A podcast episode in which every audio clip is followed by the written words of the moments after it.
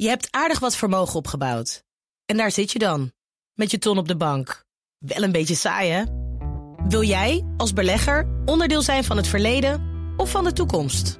Bridgefund is een slimme fintech die een brug slaat tussen de financiële behoeften van ondernemers en van beleggers. Dus wie belegt bij Bridgefund krijgt niet alleen een mooie vaste rente, maar brengt ook ondernemers in beweging. Echt waar, met die ton kan je zoveel betere dingen doen. Bridgefund.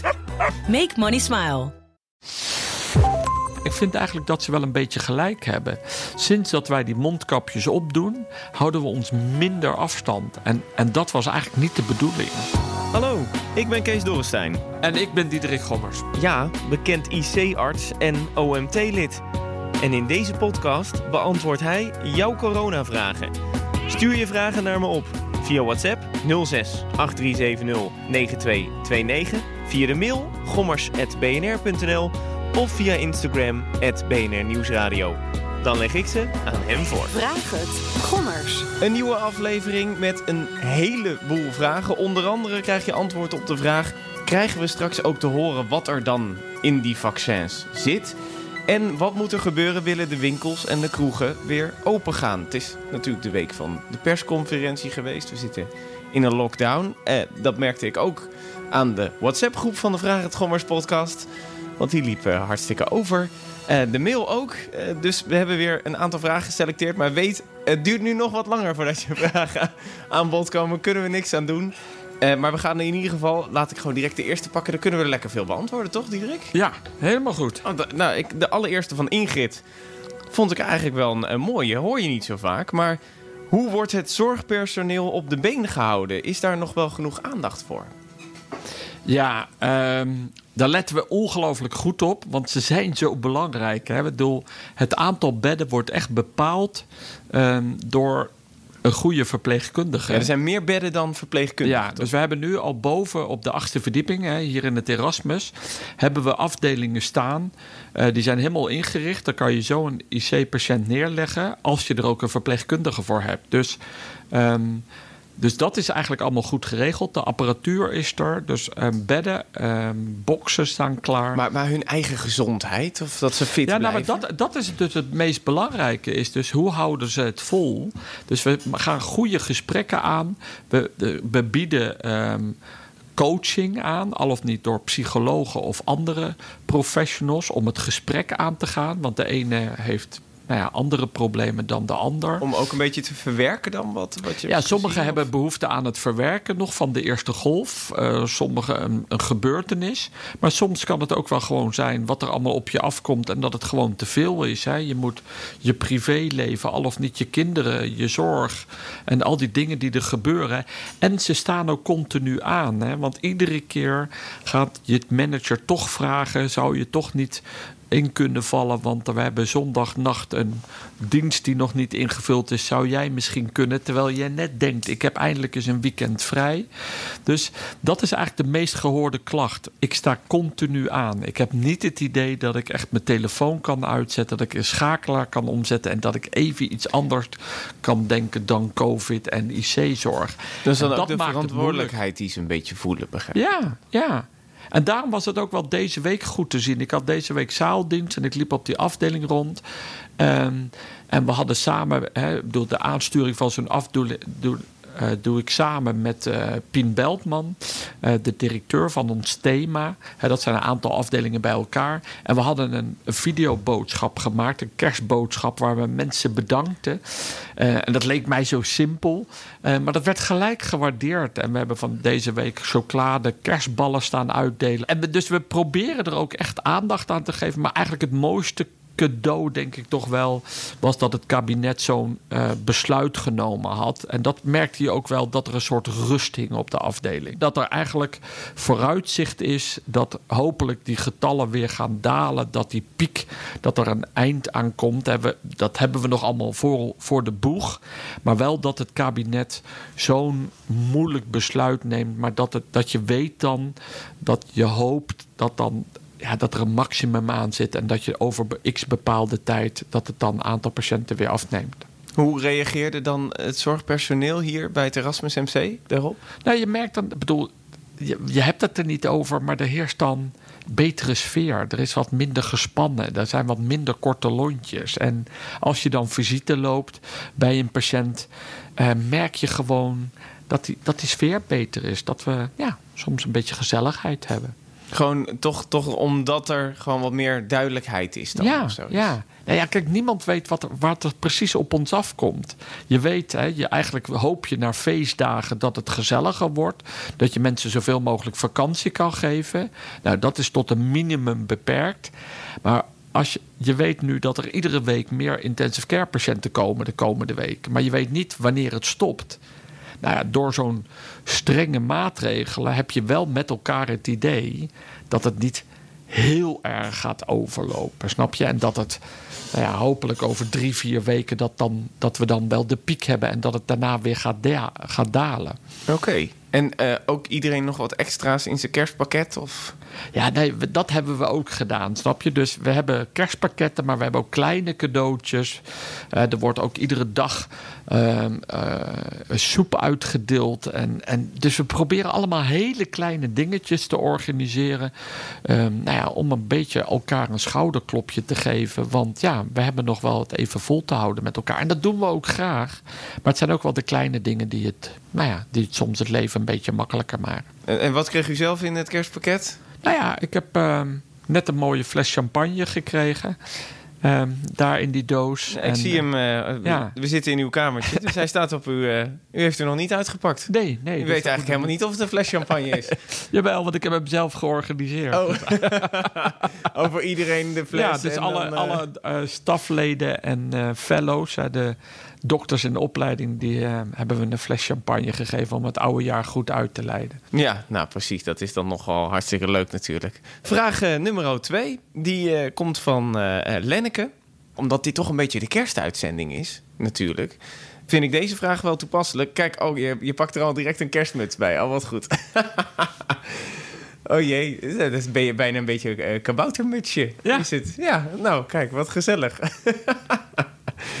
Oh, oh, dan moet ik eigenlijk, moet, zal ik een foto nemen? De Ja, hoor. Dan zal ik die wel eventjes delen. Dan delen we die op de, op de socials.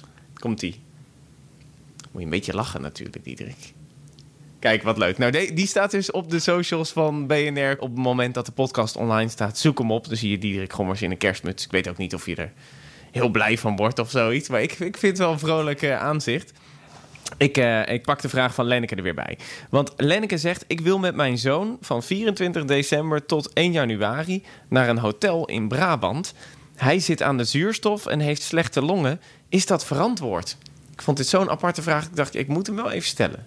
Ja, moeilijke vraag. Hè? Bedoel, ehm, maar mensen die aan de zuurstof zijn en die slechte longen hebben, zijn een hoog risico. Hè? Zitten in de hoog risicogroep. Dus ze moeten echt geen COVID oplopen. Dat moet je tot een minimum beperken. Ja, ehm, is het dan verstandig? Ja, ik kan het niet zo goed over oordelen. Maar de bedoeling is dat hij dan zo min mogelijk andere mensen ontmoet. Omdat het risico bestaat dat als je meer mensen ontmoet, dat je dan misschien toch van iemand het COVID-virus krijgt. Dus hou je mondkapje op, hou afstand, eh, was heel veel je handen. Ehm, ja, en misschien is het verstandiger om thuis te blijven. Maar ja, wie weet ehm, ga je iets leuks doen in dat hotel. Ja, dus ja, als het, als het belangrijk is voor je, dan moet je heel goed opletten dat je goed afstand houdt van mensen die je niet kent. Want het kan zomaar zijn dat je het zomaar oploopt van een ander. En, Nou, is thuisblijven misschien, ho- hoe jammer ook, eh, misschien juist het juiste. Ja, dus eh, het is verstandiger om thuis te blijven, maar misschien komen de muren op je af. En als je dan weggaat, zorg dan dat je je goed aan de maatregelen houdt. En hou afstand en was veel je handen. Bij deze, Lenneke, ik hoop dat je er eh, wat aan hebt en of dat een beetje kan helpen in je beslissing. Ehm, ja, dan komen we toch bij de vaccins. Eh, want ja, dat zien veel mensen, die zien dat ook. Hey, dat kan de oplossing zijn. Daarom ook heel veel vragen erover. Onder andere van Thomas en Tom. Eh, die hadden twee eh, verschillende vragen die wel een beetje dezelfde strekking hadden. Ehm, Thomas begint en die zegt: Wat vindt u ervan dat criticasters op het vaccin soms worden afgeschilderd een beetje als van die coronagekkies? Kunnen we wat doen om beter met elkaar de discussie ehm, aan te gaan, zodat die vaccinatiegraad hoog kan blijven? Ja. Nou, wat ik het heel belangrijk vind, en ik vind ook goed dat hij dat zegt, je moet niet mensen wegzetten als gekkies. Hè, bedoel, ehm, want iedereen heeft een beetje gelijk. Ehm, en dat betekent dat je eigenlijk met elkaar het gesprek aan moet gaan. En je kan volgens mij veel beter met elkaar discussiëren en goed luisteren naar elkaar en vragen waar, waar de ander een probleem mee heeft. En het wil helemaal niet zeggen dat we overal antwoorden op hebben. Maar dan moet je ook twijfels moet je gewoon op tafel leggen. En moet je afwegingen maken van ja, oké, maar wat vind ik dan belangrijker? Vind ik eh, X belangrijker dan Y? En bijvoorbeeld inenten tegen niet inenten. Ja, en, en soms kun je, heb je twijfels of hebben we misschien geen antwoord op jouw vraag. Maar kunnen we je wel tot overweging nemen hoe belangrijk het is om je vrijheid terug te krijgen of met elkaar het virus onder controle te krijgen. En dat is zo belangrijk. Ik bedoel, we vaccineren voor ouderen dat ze niet ziek worden of voor de hoogrisicogroep. Daarmee de ziekenhuis niet over, uh, overbelasten. Maar we, vaccineren voor de jonge mensen dat het virus niet overgedragen wordt en dat we eigenlijk het virus eigenlijk proberen uit te roeien. Uh, en daar zitten heel veel onzekerheden in. Want het virus is uitgebreid getest, maar in een paar duizend man. De, studie van Pfizer was in 21.500 mensen die het vaccin hebben gekregen. Tegenover een controlegroep van evenveel mensen. Um, maar je gaat straks pas zien dat het ene virus misschien minder goed werkt of juist heel goed werkt in ouderen. En oh, het, andere virus, ja, het vaccin, ja. ik zeg het virus, maar het vaccin bijvoorbeeld de andere bij jonge mensen zorgt dat het virus zich niet zo goed verspreidt en niet zo goed overdraagt. Nou, dat soort details gaan we ook nog uh, uitzoeken op het moment dat we begonnen zijn met Want het dat, dat weten we nu gewoon maar heel beperkt, alleen op basis van die controlegroep. Ja, dus, dus het, sommige vragen zijn hele goede vragen en sommige antwoorden kun je nog niet geven, omdat dat even duurt. Dat is, maar dan, dan pak ik die vraag van Tom, die er dus op aansloot, direct bij. Want hij zegt: moeten we niet meer vertellen over het vaccin? In plaats van dat er vooral wordt gezegd: ja, het is zo verstandig dat je het neemt om, uh, om je vrijheid terug te krijgen. Hij zegt bijvoorbeeld: ik zou best wel willen weten. Wat zit er nou in zo'n vaccin? Komt er een bijsluiter dat je precies weet, deze stofjes ja. zitten erin? Ja, en elk vaccin en elk medicijn staat precies op wat erin zit. He, er zit dus het, het middel in waar, waarom je die antistoffen gaat maken. Maar er zitten ook vaak nog allerlei andere stoffen bijgevoegd. Ook al die details staat op je bijsluiter. Krijgt iedereen die een, een, een vaccin krijgt ook zo'n bijsluiter mee? Nee, maar die kun je wel vragen. Of okay. die kun je straks van als, als je weet welk je vaccin, dus van welke firma, kan je die bijsluiter of vragen of kan je straks vinden op het internet. En daar staan alle tot nu toe bekende bijwerkingen. En omdat je nu gaat bijhouden wie welk vaccin gekregen heeft, gaan we ook iedereen bijhouden. Dus als je klachten krijgt nadat je het vaccin gekregen hebt, dat wordt allemaal straks. Als je, dat moet je melden, want dan kun je weer bij elkaar goed in de gaten houden, zodat je daar conclusies uit kan trekken. Ook al zijn het soms rare bijwerkingen. Maar als meerdere mensen dat hebben, zou het eventueel toch een echte bijwerking kunnen zijn van het vaccin, maar dat hoeft niet altijd. Um, en en die bijsluiters die, die zijn echt precies wat er gebeurd is in die klinische studies. Dus daar kan je echt van op aangaan. En waarom het ook zo belangrijk is, omdat sommige mensen soms allergisch reageren op een bepaalde stof die als bijstof in die uh, vaccin Dan zit. moet je dus dat vaccin niet nemen. Dan moet je eigenlijk wachten ja, op een andere. En daarom is het zo belangrijk uh, dat, er, dat er precies in staat wat erin zit. Dus niet alleen het vaccin zelf, maar ook eventueel stoffen die zijn toegevoegd om het vaccin goed te houden of om het vloeibaar of weet ik veel wat. Al die dingen, hè, de dragerstof, die, dat soort zijn belangrijke informatie. Ik merk inderdaad dat ik veel appjes krijg op het Vraag het Gommers nummer. Juist van mensen die zeggen, ja, ik ben zo bang voor die bijwerkingen. Uh, er zei zelfs één iemand: kan ik niet gewoon zorgen dat ik twee keer corona krijg? Dan heb ik ook antistoffen. Dan hoef ik dat vaccin niet te nemen. Want ik maak me echt zorgen om die bijwerkingen. Ja, maar, maar bijwerkingen op vaccin is, uh, is niet nul, maar is uit, uiterst zelden. Dus mm. er zitten veel minder bijwerkingen dan van een medicijn. ehm, een gewoon medicijn wat je neemt. Ehm, maar en, en de bijwerkingen die er zijn, die kan je opzoeken. Die staan in de bijsluiter. Kan je nu al, heeft Pfizer die nu al op, uh, op de site staan dat je weet? Nou, ik heb ze nog niet gezien, maar we hebben het natuurlijk middel is ook nog niet vrijgegeven. Nee, pas als de EMA het heeft goedgekeurd, dan moet die lijst er ook zijn. Ja, daar komt, straks komt die lijst en die wordt heel transparant. Dat kan niet, een, een farmaceut kan niet iets niet melden. Dat kan echt niet. Dus alles wat er gebeurt is, is straks inzichtelijk. En de, de meeste bijwerkingen zijn heel lokaal. Dus roodheid bij het inspuiten of een dikke pijnlijke arm of een dikke bobbel erop of soms een beetje koorts of een beetje vage klachten van vermoeidheid. De meeste bijwerkingen zijn binnen 24 uur weer weg. Ehm, en, en bijwerkingen zoals uh, heftige reactie op bepaalde bestandsdelen, hè, dus stoffen die in die vaccin zitten, um, die staan heel goed beschreven. En dat zijn, als dat bijwerkingen zijn die bekend zijn, dan wordt dat ook echt heel goed beschreven welke mensen dan ook dat vaccin beter niet kunnen nemen. Tom zegt ook, die RNA-techniek, die soort van DNA-techniek uh, wordt, het, uh, wordt het ook genoemd in dat Pfizer-vaccin. Hij zegt er is 30 uh, à 40 jaar aan gewerkt. En dat is nu een beetje in zo'n stroomversnelling gekomen vanwege dit vaccin. Is dat dan verstandig geweest? Of waren ze toevallig al op dat punt? Uh, dat, uh... Ja, dat is een hele goede vraag. Hè? Want tot nu toe zijn er nooit vaccins gemaakt met dat mRNA, messenger-RNA. Dat is een soort boodschapper. En een mRNA is echt wel anders dan je DNA. Het DNA is je, zijn je eigen genen. En waar we bang voor zijn, als je nou vreemd mRNA in een cel spuit, wordt dat dan opgenomen in jouw DNA. En dat bepaalt wie je bent eigenlijk. En dat zijn je bouwstenen. Maar dat mRNA maakt eigenlijk alleen maar eiwit. En het virus bestaat ook uit RNA. Ehm, maar dat mRNA is dus de boodschapper. Dat wordt onder je huid ingespoten. Dat gaat binnen in jouw cel. En die maken die eiwitten, die gekke spike-eiwitten, die gekke pootjes die je gezien hebt op die tekeningen van het COVID-virus. En daarop maak je antistoffen. Nou, en die mRNA, dat wordt ook weer heel snel afgebroken. Dus dat blijft niet lang in je lichaam. En dat wordt zeker niet opgenomen in je DNA. Nee, want eh, mensen denken. Uh, en dat maken mensen DNA zich zorgen om. Ja. En dat is wel terecht. Dat ze zich daar zorgen om maken. Maar dan moet je luisteren naar experts. En die zeggen: ja, nee, dat gebeurt echt niet.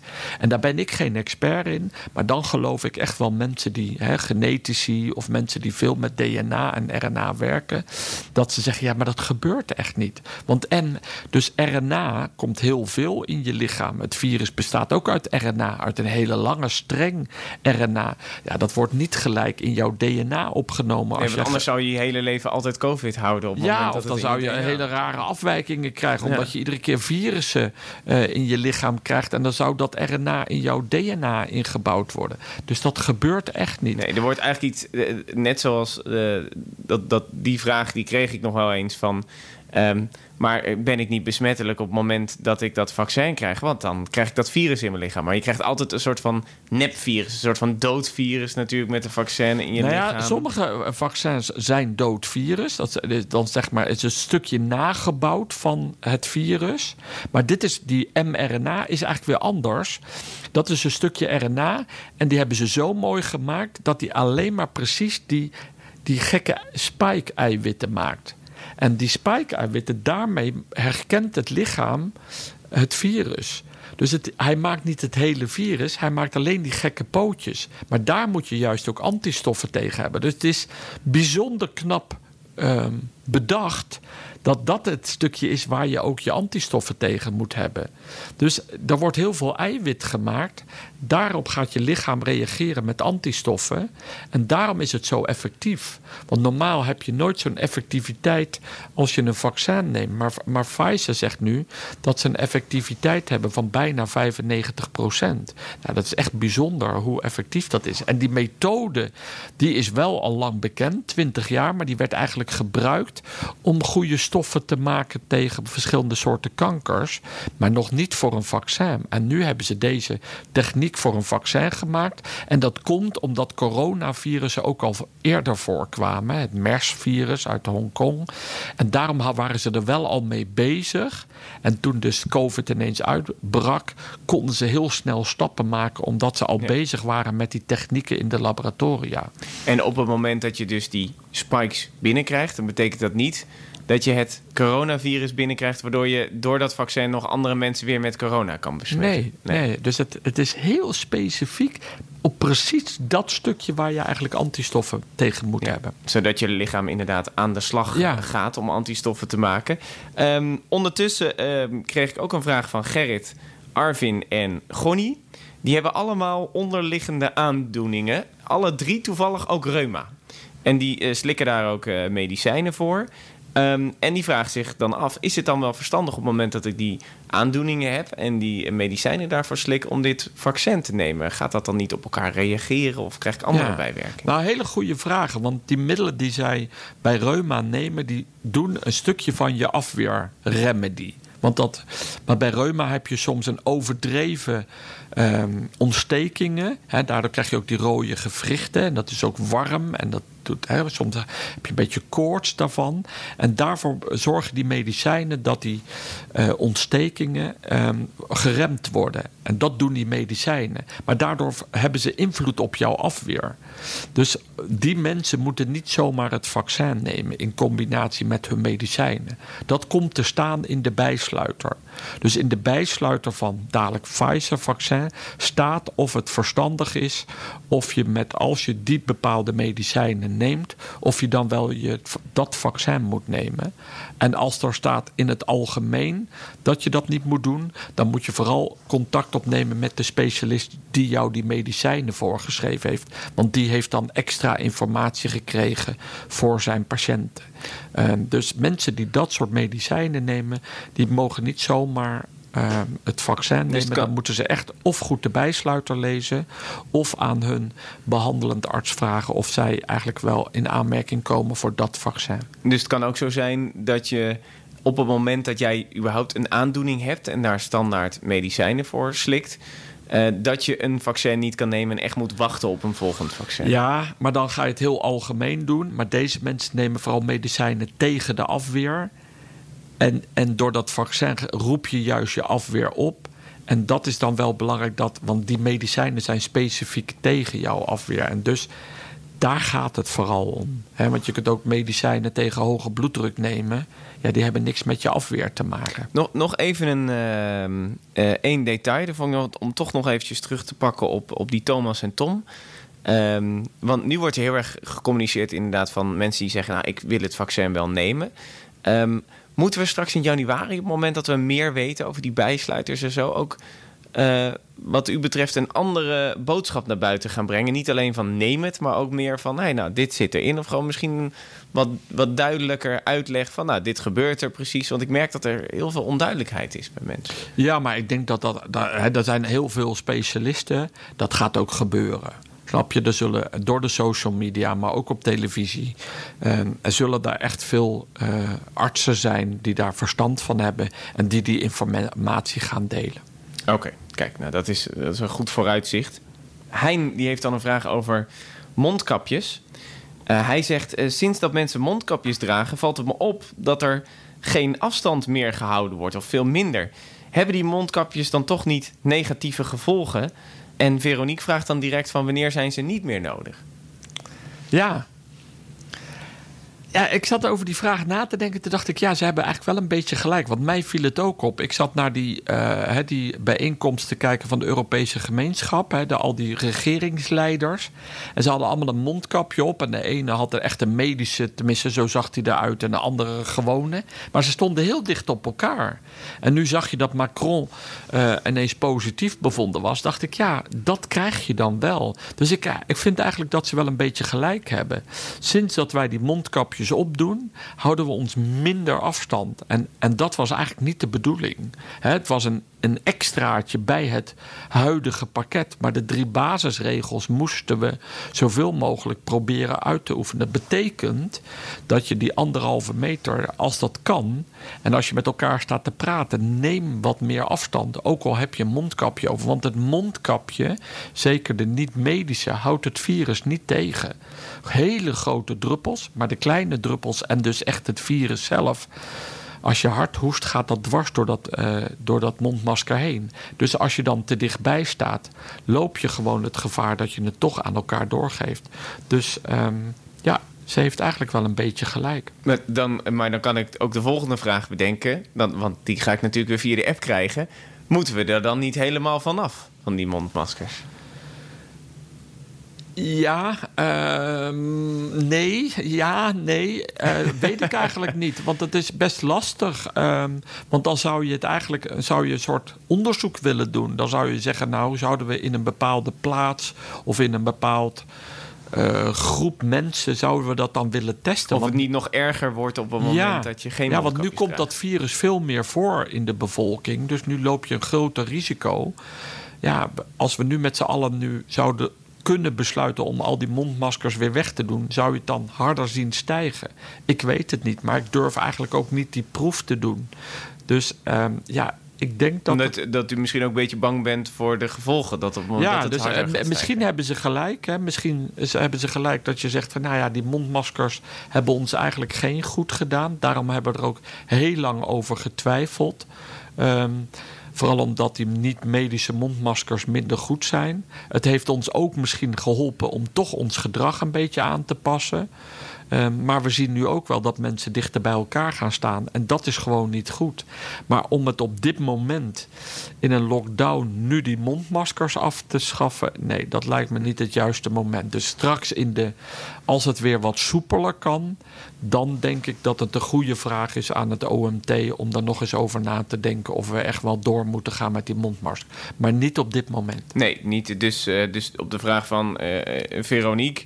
Uh, dat uh, wanneer hoeven we ze niet meer te gebruiken, dan is het eigenlijk meer van wacht in ieder geval totdat al die cijfers lager zijn en dan kan het weer een punt van discussie worden. Ja. ja. Maarten, die vraagt zich af, als de risicogroep volledig is ingeënt, kunnen we dan weer winkels en kroegen opengooien? Want ja, dan lopen de ziekenhuizen dus niet meer vol, omdat die mensen een, een vaccin hebben gehad.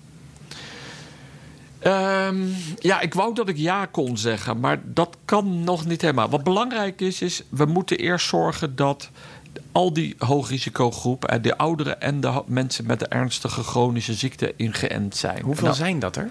Ja, ik, ik had ooit gehoord, maar dan moeten we eigenlijk een beetje opzoeken of dat 3 miljoen of 3,5 miljoen mensen zijn. Dus dat, dat is flink. Dat is flink. Maar stel je voor dat dat 3 miljoen mensen zijn, dan moeten we ook wel 3 miljoen vaccins hebben gehad. En hè, de eerste lading van Pfizer is een half miljoen. En ik weet niet wanneer we de volgende krijgen en wanneer de volgende firma komt. Dus ja, dan moet daar, ik denk dat we daar al twee, drie maanden mee bezig zijn. Schat ik zo in op dit moment. En dan duurt het een maand voordat je voldoende antistoffen hebt. Als je dat vaccin gekregen hebt. En daarna kan je lopen die ziekenhuizen niet meer over. Maar daarna, als je gaat versoepelen, maar je bent nog niet aan de jonge mensen begonnen. Um, dan gaan die mensen het nog wel aan elkaar doorgeven. Dus eigenlijk kan je het pas loslaten als die jonge mensen dan ook gevaccineerd zijn. Dus al met al, ja, helaas zijn we nog een hele tijd bezig. Want ik denk dat de laatste mensen pas gevaccineerd zijn in mei, juni. Ehm, dus dat eigenlijk ons echte leven weer terugkrijgen is eigenlijk denk ik pas rond de zomervakantie. Ja, wat, uh, wat echt weer soepel de kroeg in gaan. Maar je kan ook bedenken op het moment dat de cijfers weer laag zijn... dat we net zoals in juni, juli uh, wel weer op afstand met, be, met beperkende maatregelen... bewijs van weer open kunnen Ja, doen. nou, ik bedoel, als dat zo is, en dan moet je daar heel gericht heel, uh, naar kijken. En dan zou het OMT daar iets over kunnen besluiten. Maar op dit moment is dat te ver in de toekomst kijken. En als ik zo ver in de toekomst moet kijken, dan denk ik ja. Dan kan je pas veilig weer naar de kroeg als iedereen gevaccineerd is. En dan moeten ook zoveel mogelijk mensen het doen. En dan ben je al in de zomervakantie. Ja, precies. Je kijkt dan direct ook naar hè, het uiterste geval van weer helemaal terug naar, eh, naar zoals het was. Ja, Eh, en anders, dan, ja, dan moeten we maar even afwachten. Want iedereen kijkt nu natuurlijk naar half januari. Maar ja, daar zijn er natuurlijk nog niet zoveel mensen gevaccineerd. nee, ja, nog niks eigenlijk. Hè. Net de zorgmedewerkers en een paar. Dus ja, voordat je de hoogrisicogroep bent, dan ben je al eind maart, denk ik. eh. Ja, dus dat, dat eind maart is in ieder geval een, een beter punt om eventjes op te letten. ja, Eh, maar eh, echt weer terug naar het oude, dat is misschien pas vanaf de zomer ja. dan. Simone, die heeft ook nog wel een eh, sterke vraag. Eh, helpt het om aspirine te slikken tegen vermoeidheidsklachten? Want je, je wordt natuurlijk moe van eh, als je het coronavirus hebt of hebt gehad. Kan aspirine ook preventief eh, werken? En hoeveel moet ik er dan nemen? Ja, kijk, ehm, ehm, vermoeidheidsklachten is een hele moeilijke diagnose. Want vermoeidheidsklachten kunnen een echte reden hebben. Dat je hart het minder goed doet, omdat daar virus in zit. Maar dat zijn uiterst zelden dingen. Eh, vermoeidheid kan zijn omdat je ehm, eh, misschien eh, longembolie hebt. Is ook uiterst zelden.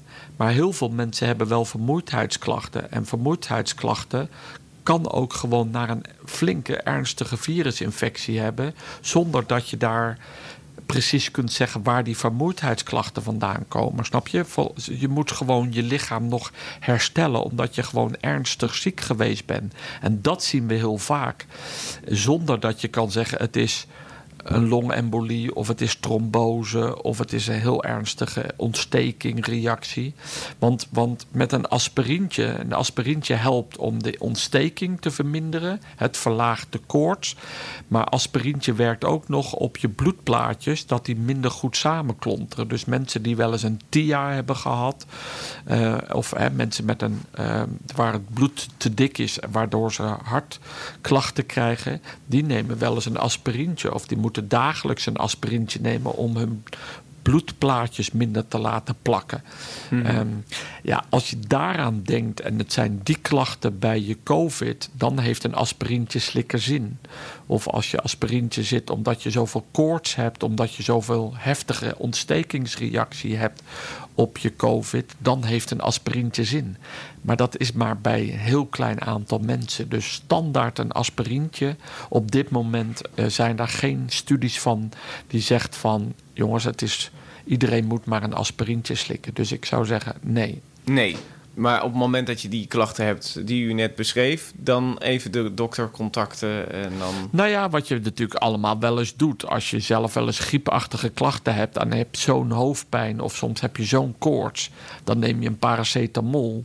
En dan zou je ook in plaats van een paracetamol een aspirintje kunnen nemen, want dat werkt ongeveer hetzelfde. Alleen de aspirintje zorgt ook nog dat je bloedplaatjes niet samenklonteren. Ehm, dus als dat misschien een probleem is bij eh, de COVID, dan zou een aspirintje soms helpen. Ehm, maar eigenlijk is daar nog te, wijze, te weinig goede studies van dat die zeggen van nou, dat, dat moet je maar nemen. Dan, helaas voor Simone, dan geen Ja. aspirintje nemen wat dat betreft. Ehm, ja, dat was alweer de laatste vraag voor deze week. Ehm, de komende twee weken ja, is het kerstvakantie. Dus dan, ja, dan vallen onze uitzendingen net rond kerst en oud nieuw. Dus dan is er geen Vraag het Gommers podcast. Maar begin januari dus gewoon weer wel. Ehm, kan je ook eventjes aan het kerstdiner, eh, Diederik.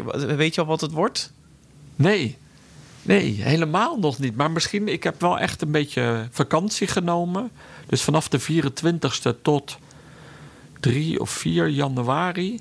Dus ik ga kijken of ik wel iets meer in het huishouden kan doen. En zeker ga ik proberen iets te koken. Want ik heb echt wel heel weinig gedaan. Ja, dat, maanden. je moet toch even wat inhalen met Ik moet toch wel wat goed maken de thuis. dus- coronacrisis. is niet goed geweest voor het huishouden van familie Gommers. Nee, zeker niet. Zeker Nee. niet. Dus ik heb nog wel wat goed te maken voor mijn vrouw. Dus ik ga proberen iets, een mooi kerstdiner is, te is koken. dat eh, bij deze, want het, ja, als het is opgenomen, is het vastgelegd dat als mevrouw Gommers luistert, die weet, eh Diederik gaat het kerstdiner maken. Nou, ik denk dat ze er blij mee zal zijn als Ja? ik het echt zou doen. Dus we, we gaan, ik, ik ga het echt wel proberen. Je zegt als je, als je het echt zou doen, dat is alweer slag om de arm nemen. Dat ja, nou, nou, omdat niet, jij zo duidelijk zegt van eh, dit is het bewijs. Ja. Ja, nou ja, dat is. Ja, mijn, mijn vriendin eh, die vindt het ook altijd niet leuk als ik dan beloof dingen te doen en dan doe ik het niet. natuurlijk. Nee, daarom. Dus, eh, ja, nou oké. Laat ik het toch maar. Ik ga het echt Ja. proberen. Kijk, dat is een mooie belofte. En weet dus, begin januari de volgende aflevering. En daarom is het extra belangrijk dat je je abonneert op de podcast. Want dan krijg je gewoon een melding wanneer die online staat. En dan hoef je dus niet in spanning voor Spotify te zitten wachten, bijvoorbeeld. En heb je zelf vragen? Nou, app die 06 8370 9229. Dat is mijn nummer van Kees dus. En dan kan ik het weer voorleggen aan Diederik. Of mail het naar gommers.bnr.nl. En dan voor nu hele fijne feestdagen. Zou ik Ja, zeggen, hè? jij ook. ja. Tot volgend jaar.